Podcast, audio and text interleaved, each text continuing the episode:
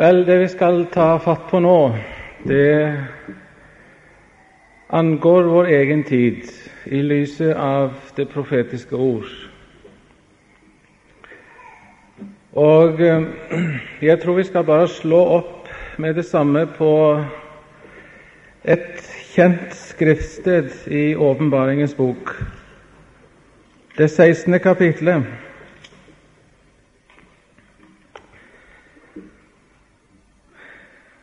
Og det er eh,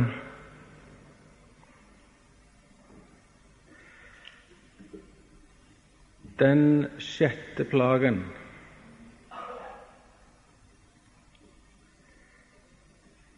Jeg vil ikke påstå at jeg er ekspert når det gjelder plagene, men jeg tror at noen av disse er på vei allerede og at de vil kulminere når nådedøren stenges. Men at vi allerede kan liksom føle at noen av dem er i forberedelse. Jeg tør i hvert fall si det om den sjette plagen. Der har vi tre åndsmakter beskrevet spesielt. Et dyr, en falsk profet og en drake. Disse tre åndsmaktene de har et felles budskap som betegnes som frosker som kommer ut av deres munn. Fra hedenskapet kjenner vi at frosken var et symbol på udødelighet. Og udødelighetens budskap kan du finne overalt i dag, ikke bare innenfor den protestantiske kirke eller innenfor den katolske kirke, men hele hedenskapet er enig i at menneskesjelen er udødelig. Og de som fremmer denne tanken, særlig nå i Vesten, føler jeg, er det vi kaller the New Age moment, eller bevegelse.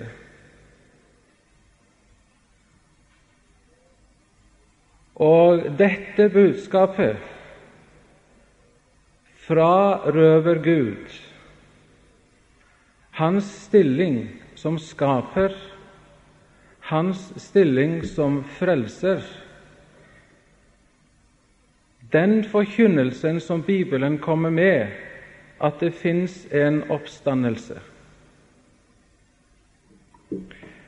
Hvis syndens konsekvens ikke er døden, hva har jeg da med Kristus å gjøre?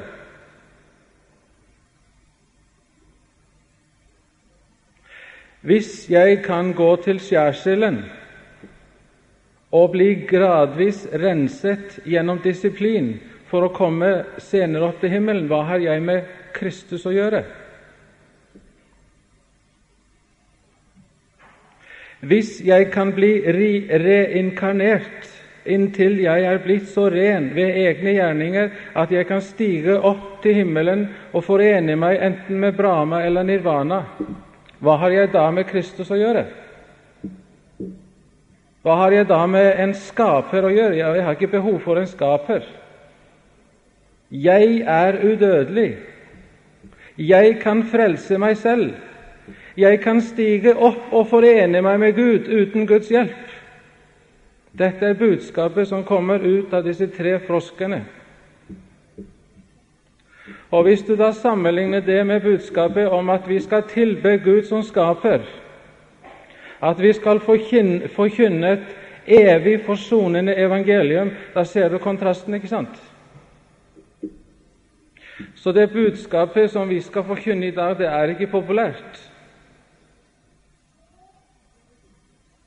Fordi det sier at Kirkens lære om sjelens udødelighet The New Age lære om sjelens udødelighet og hedenskapets lære om udødelighet er løgn.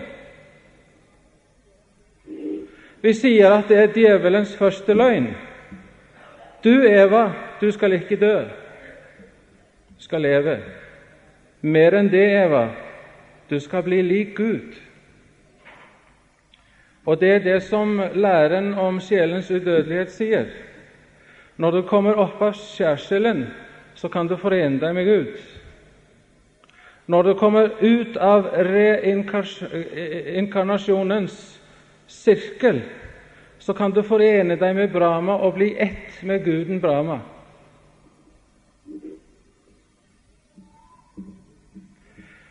Så disse tre eh, åndsmaktene de har et veldig kraftig budskap å forkynne i endetiden. Et budskap som faktisk hele verden allerede har kjøpt.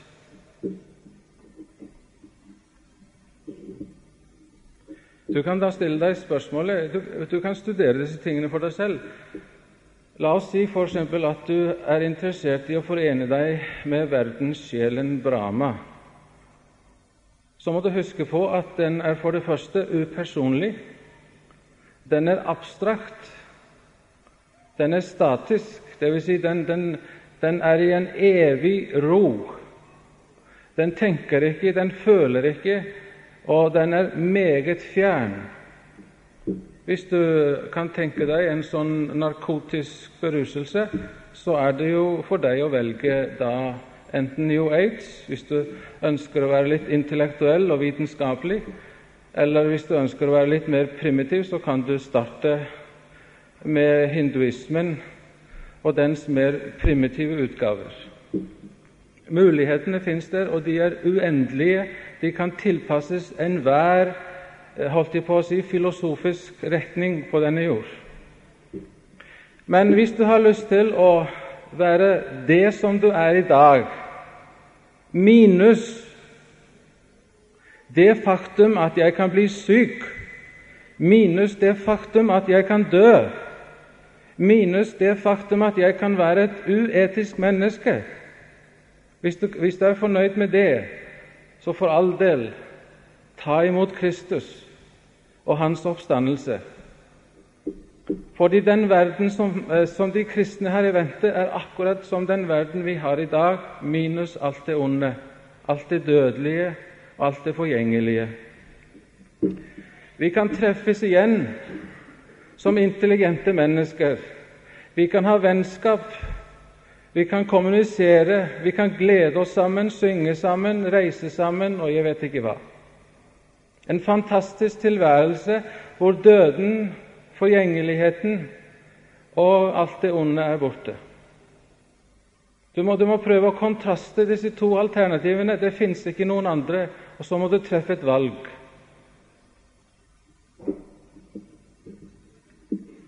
Men disse tre åndsmaktene identifiseres i Bibelen for oss, som her omtales. Du finner dem igjen og igjen fra det tolvte kapittel og til og med det nittende kapittel. Og vi har, vi har, ikke tid nå til å, å gå i detaljer med hensyn til identifisering, men la oss starte med det enkle draken. I det tolvte kapitlet så sies det at draken er djevelen selv. Og denne såkalte djevel har tusenvis av spiritistiske ansikter. Og hans budskap er presis det samme som det budskapet han brakte til Eva i Edens hage. Eva, du skal ikke dø, du vil ikke dø, og du vil bli Gud. Og Dette budskapet kan du finne i hedenskapet i alle mulige slags variasjoner. Og Det er der han kommer mest direkte til døren for å invitere deg og akseptere hans tilbud. Den falske profet er også lett å identifisere. Hvis du sammenligner det 16., og det 19., og det 13. og det 12. kapitlet, så kan du identifisere eh, den falske profet uten problemer. Han er dyret fra havet. Han er dyrets bilde. Altså, han er ikke dyret fra havet, han er dyret fra jorden. Beklager. Han er dyret fra jorden. Han er eh, dyrets bilde, dvs. Si, eh, bildet til dyret som stiger opp av havet. Og I det tolvte kapitlet så fortelles det at dette dyret kommer opp av den jorden som hjalp den kristne kirke i løpet av de 1260 årene. Og det er uten tvil protestantismen.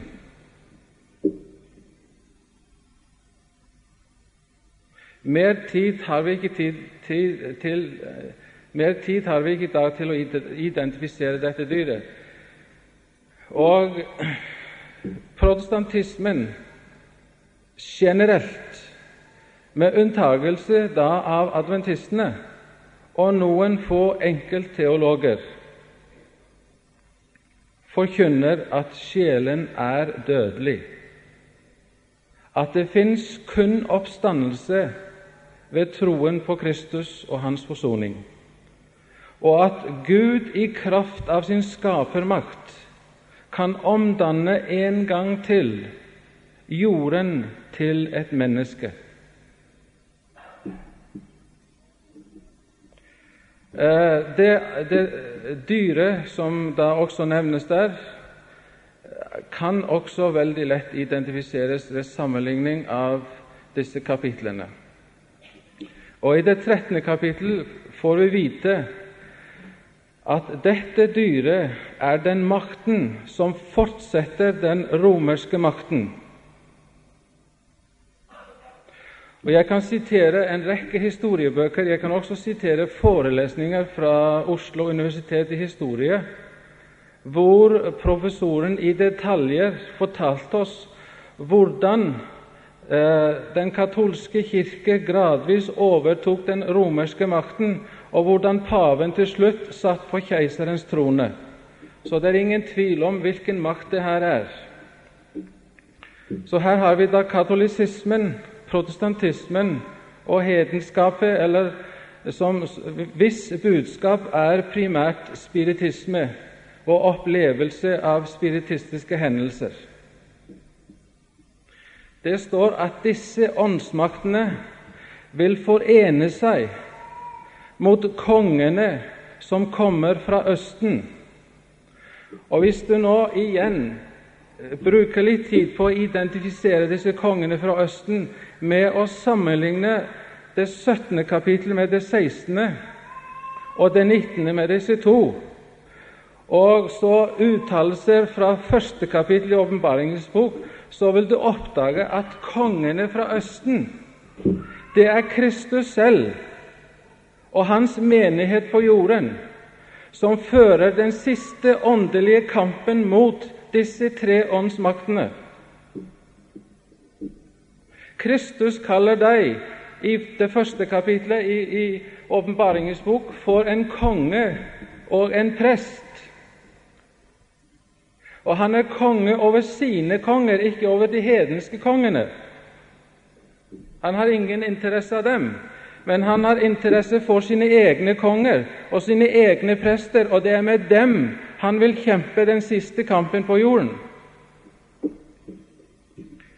Og Det som denne kampen vil føre til, det er at elven Efrat det, og En elv i Bibelen er alltid et symbol på kilden til, til uh, filosofi til religion, til ideologi. Og Det som står her, er at under denne kampen så vil hedenskapets religioner, ideologier, filosofier, løfter om evig liv, de vil tørke opp. Og Det er presis det som også står i det 17. kapittel. Og når disse åndsmaktene som forener seg mot Gud, oppdager at de har tatt forferdelig feil når Kristus kommer i himmelens skyer, så vil de gå løs på hverandre. Og de vil slakte hverandre og brenne hverandre opp. Det er det som står.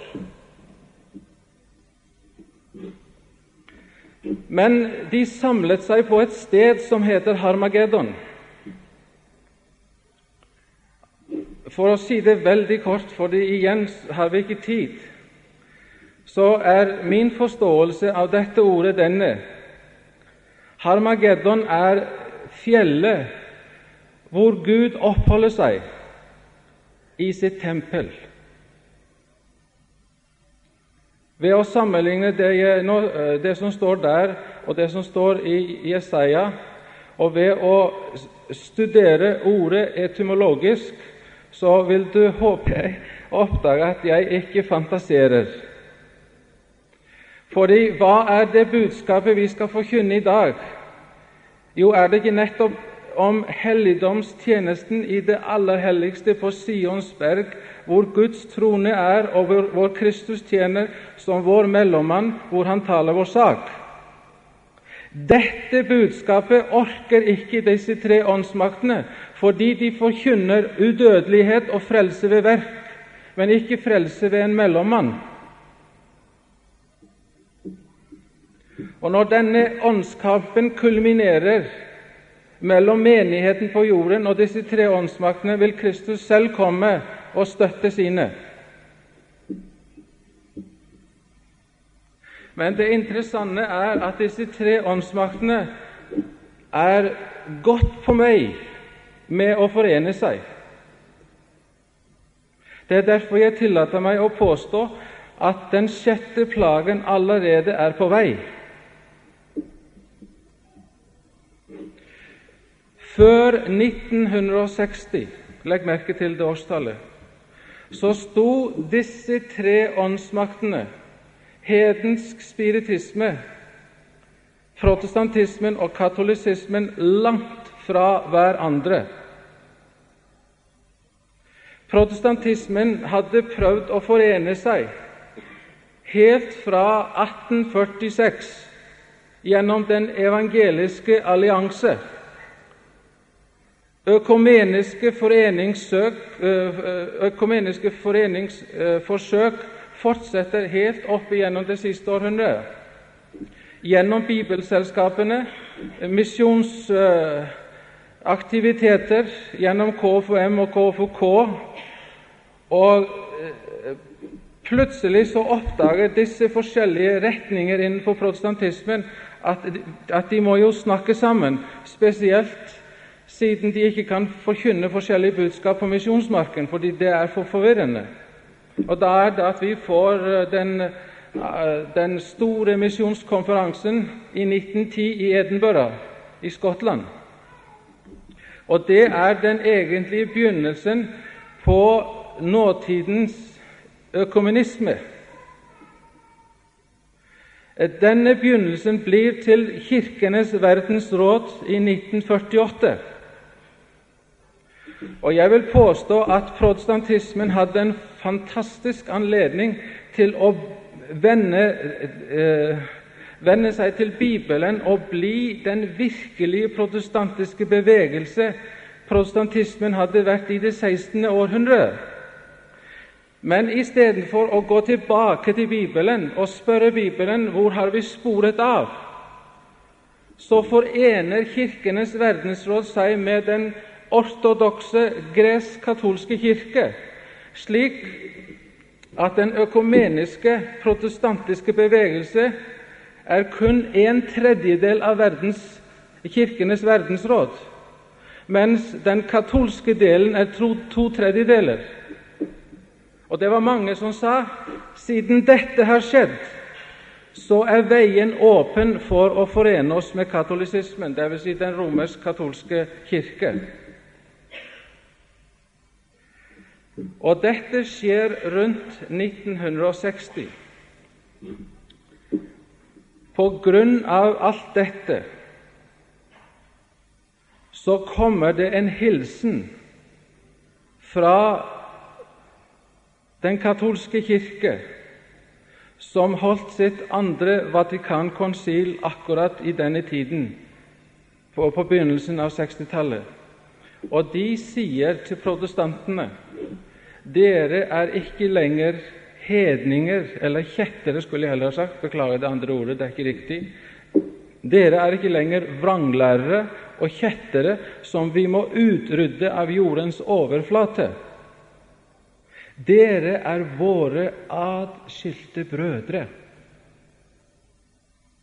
Og Dermed var veien åpen for dialog mellom protestantene og katolikkene. Det kom aldri på tale at katolikkene ble medlemmer av Kirkenes verdensråd, fordi paven er Peter, og alle må bøye seg for paven som kristenhetens overhode. Og Da paven en gang besøkte Kirkenes verdensråds hovedkvarterer i Genéve, eh, i, i, i, i um, Sveits, så sa paven til, eh, til protestantene Jeg er Peter. Signalene var helt klare. Jeg er kristenhetens overhode. Jeg er kristenhetens ufeilbare overhode. Og den eneste måten vi kan forene oss på i realiteten, er at dere kommer til oss. Og vi har åpnet dørene, og dere er velkommen. Så etter 1960 opplever vi en dramatisk forening, først gjennom dialoger, av disse to gigantene innenfor kristenheten. Men hva med, hva, hva, hva med spiritismen, da? Jeg vet at noen liker ikke når jeg sier følgende.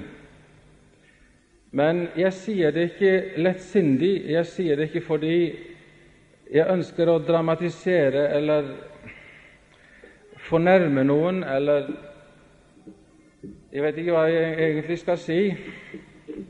Um, fordi jeg, jeg, vet at det fins mange brødre og søstre i andre menigheter. Og jeg, det, det jeg skal si nå, er ikke for å gå løs på enkeltmennesker. Men det kan ikke frarøve meg den forpliktelsen at, at jeg må si eh, det jeg oppdager og observerer i forbindelse med utvikling av økumenikk og spiritisme og slike ting. Du ser, pinsebevegelsen ble til eh, rundt 1901 og 1906. Og Det som karakteriserte dem, eh, var eh, mangel på systematisk troslære.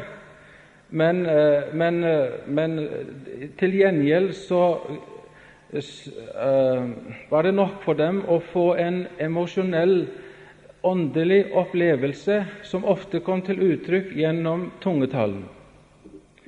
Ingen I hele 60 år så var det ingen som kritiserte dem for ikke å være kristne, ikke et menneske. Kirke, kirkenes verdensråd aksepterte dem som fullverdige kristne og som en fullverdig kristen menighet. Når vi kommer inn på 1960-tallet, så er det at de andre historiske protestantiske menighetene begynner å tale i tunger. Og ingen sier et ord. Kanskje er dette fra Gud. Men i 1967 på Notre-Dame, Vår Frues universitet. Kun 20 minutters kjøring fra Andrews, Andrews University, hvor jeg studerer, begynte jesuitter, katolikkere, å tale i de samme tunger. Og da kom spørsmålet spesielt til protestantene særdeles kanskje til pinsevennene, som trodde akkurat som oss, ifølge Skriften, at katolisismen er antikristus. Og da må vi alle sammen, om vi heter pinsevenner eller andre protestanter, spørre oss selv hvordan kan det ha seg at Helligånden er kommet over Antikristus. Og mitt svar det kan ikke la seg gjøre. Og derfor må jeg tillate meg å si at hvis ikke denne ånden som forårsaker tungetallen blant katolikkene og protestantene, er fra Gud, så må den være fra den onde.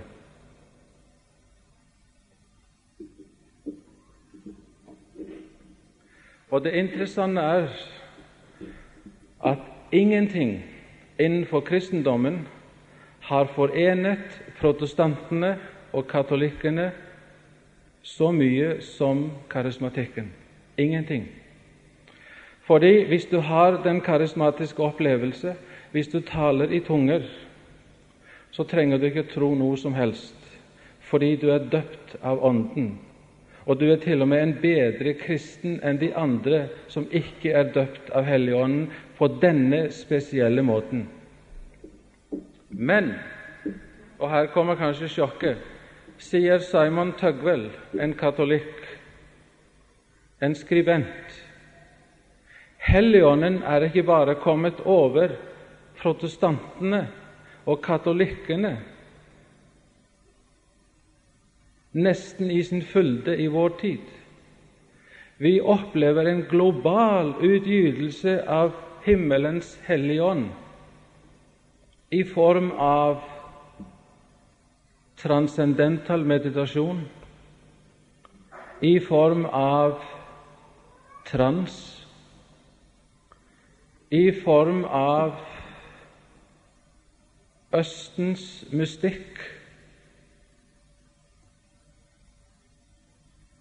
Kan du se hvor langt de har strukket seg? Jeg har lyst til å sitere en abbot fra Frankrike. Dessverre har jeg ikke artikkelen med meg. Jeg husker ikke navnet hans.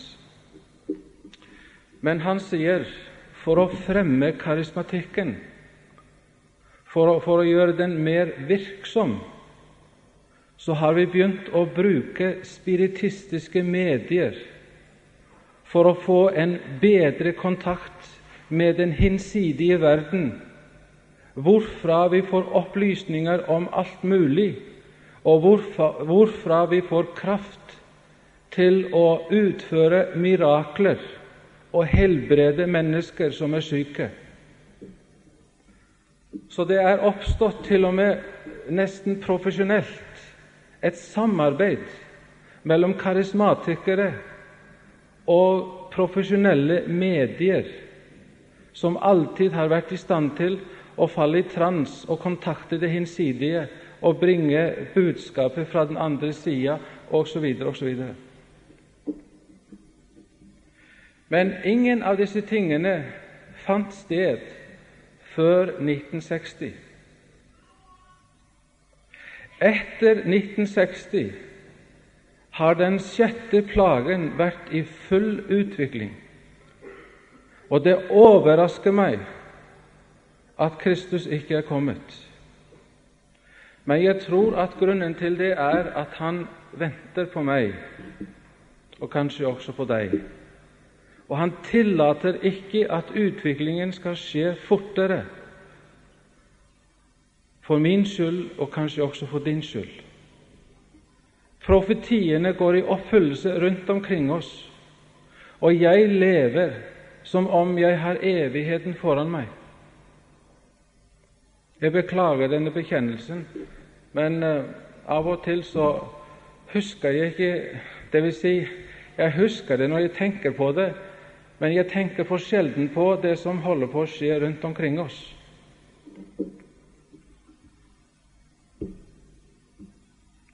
En annen interessant utvikling som jeg har lyst til å nevne i all korthet, det er det jeg føler er en slags begynnelse på en oppfyllelse av profetisk utsagn i det 17. kapittel i Åpenbaringens bok. Der står det at det vil oppstå et samarbeid mellom eh, de europeiske politiske nasjoner og pavedømmet. Jeg vet ikke om du husker den gangen Paisley Den uh, irske presten som er litt uh, ivrig, da, uh, møtte opp i Europarådet og hadde et lite skilte med seg hvorpå han hadde skrevet 'Antikristus'. Han ble da hevet ut av Europarådet, og han fikk høre at eh, han ikke hørte der hjemme, at han var usivilisert og alt det der. Det er, kan godt hende, men det er ikke det som vi kanskje akkurat er interessert i i øyeblikket. Men det vi er interessert i, det er pavens tale. Og egentlig kjernen i pavens tale til disse 14 europeiske nasjonene. Han, han som en religiøs leder sier til de europeiske politiske lederne jeg trenger deres politiske hjelp til å gjennomføre et kristent Europa, til å skape et kristent Europa. Det er en historisk, så vidt jeg kan se, appell som kommer fra en religiøs leder til en politisk forsamling. Og Det er jo en av de tingene som Bibelen har fortalt oss, at et dyr består av forening av det politiske og det religiøse. Og Derfor vil jeg bl.a. påstå at hans reiser her til Skandinavia i sommer var mer politiske enn religiøse. Og jeg tror at noen av Danmarks biskoper reagerte på den måten. Og jeg forstår at han møtte faktisk den største kritikken her i Danmark på sine reiser. Island eh, slukte ham rått, med unntagelse av kommunistene. Det var litt interessant i og for seg.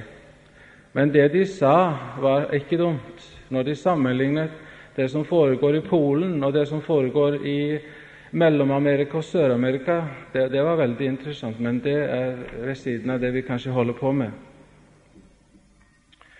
Men for å fortsette ett skritt til, så skal jeg slutte. Vi kunne holdt på ganske lenge, fordi emnet er slik. Vet dere hva økumenikken og karismatikken har tenkt å gi Jesus i fødselsdagsgave år 2000 tre satellitter som kan sende pavens budskap hver eneste dag rundt hele kloden, hvor det kan holdes teologiske, religiøse, filosofiske, kall det hva du vil, debatter når som helst. Hva har vi tenkt å stille opp med, da? Ikke sant? Hvis, hvis det her blir en virkelighet, og, og det er en uh, organisasjon som eh, står bak det hele Så det er ikke bare en tanke, det er ikke bare en fantasi. Det er noe de har vedtatt å gjøre, og det er multimillionærer som står bak det. Og Organisasjonen heter Lomen 2000. Og, og, de har lovt hverandre at år 2000, i hvert fall ikke senere, så vil, så vil det kristne budskap som en fødselsdagsgave til Kristus bli hørt over hele kloden. Og la oss nå si at økumenikken, karismatikken, med paven i spissen ikke liker oss syvendedagsadventister, hvilke bilder tror du blir tegnet av oss på TV-en over hele kloden? Jeg tror ikke det blir særlig positivt. Men Gud har lovt å være med oss. Han har lovt oss at vi vil få Helligånden i sin fylde. Han har kalt det sen reine. Og han sier når Helligånden kommer over dere, vil dere få kraft og styrke til å bestå, til å forkynne, til å velge de riktige ordene og argumentene og presentere budskapet slik jeg ønsker at dere skal gjøre det. Så selv om vi er små som David og Goliat stor, så har Kristus lovt oss seier ved sin ånds velsignelse. Og han har til og med lovt oss å besegle oss ved sin ånd, slik at vi virkelig kan bestå. Jeg, ikke, jeg tror ikke jeg er Hvis dette skjedde i morgen, så tror jeg jeg ville gi opp. Men siden jeg har det forholdsvis lett, så kan jeg være litt frimodig. ikke sant? Jeg, tror ikke det er noen der ute som vil forfølge meg eller sette meg i fengsel eller torturere meg eller noe. Men det kan komme vanskelige tider.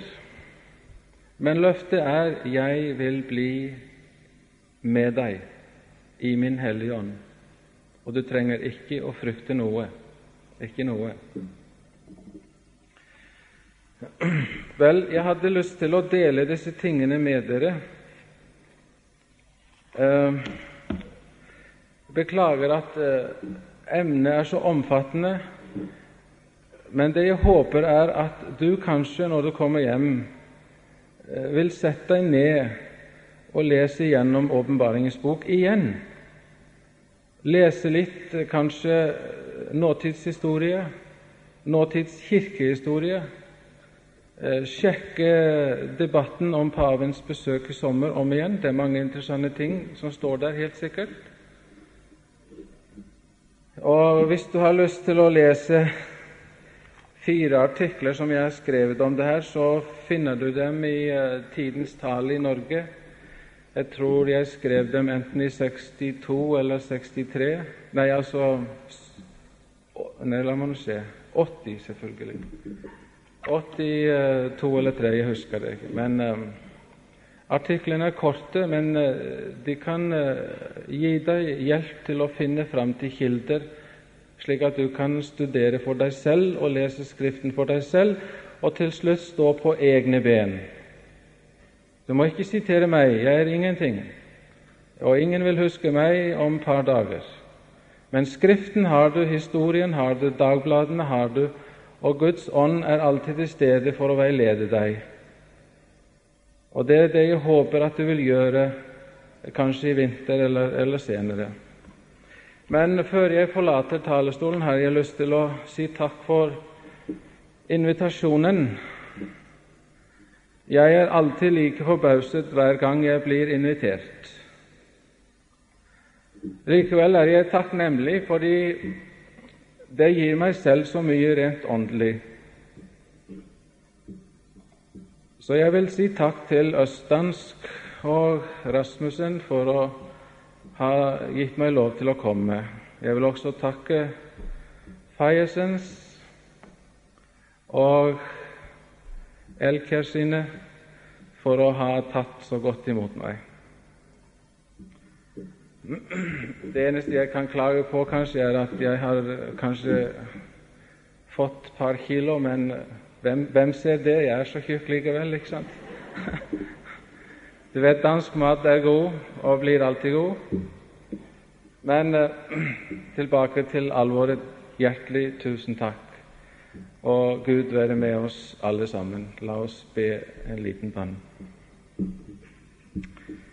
Trofaste himmelske Far, vi vender oss til deg igjen, og vi takker deg for en deilig sabbat. Vi takker deg for de mange vitnesbyrd vi hørte i stad. Vi takker deg for sangen vi hørte, og budskapet i sangen. Vi takker deg for din kjærlighet og overbærenhet og tålmodighet med oss alle sammen. Vi takker deg også for det profetiske ord som forteller oss hvor vi befinner oss i historien, og at det du har forutsagt, holder på å gå i oppfyllelse rundt omkring oss. Hjelp oss til å være oppmerksom på disse tingene, og hjelp oss til å være beredt til å ta imot Den hellige ånd når den kommer i form av ditt løfte om senregnet. Vi takker også for beseilingen når den kommer, fordi den vil gi oss kraft til å leve uten en mellommann. Far, du har lagt alt til rette for oss, og vi ønsker å være dine barn og legge oss i trygt i dine hender i Jesu navn. Amen.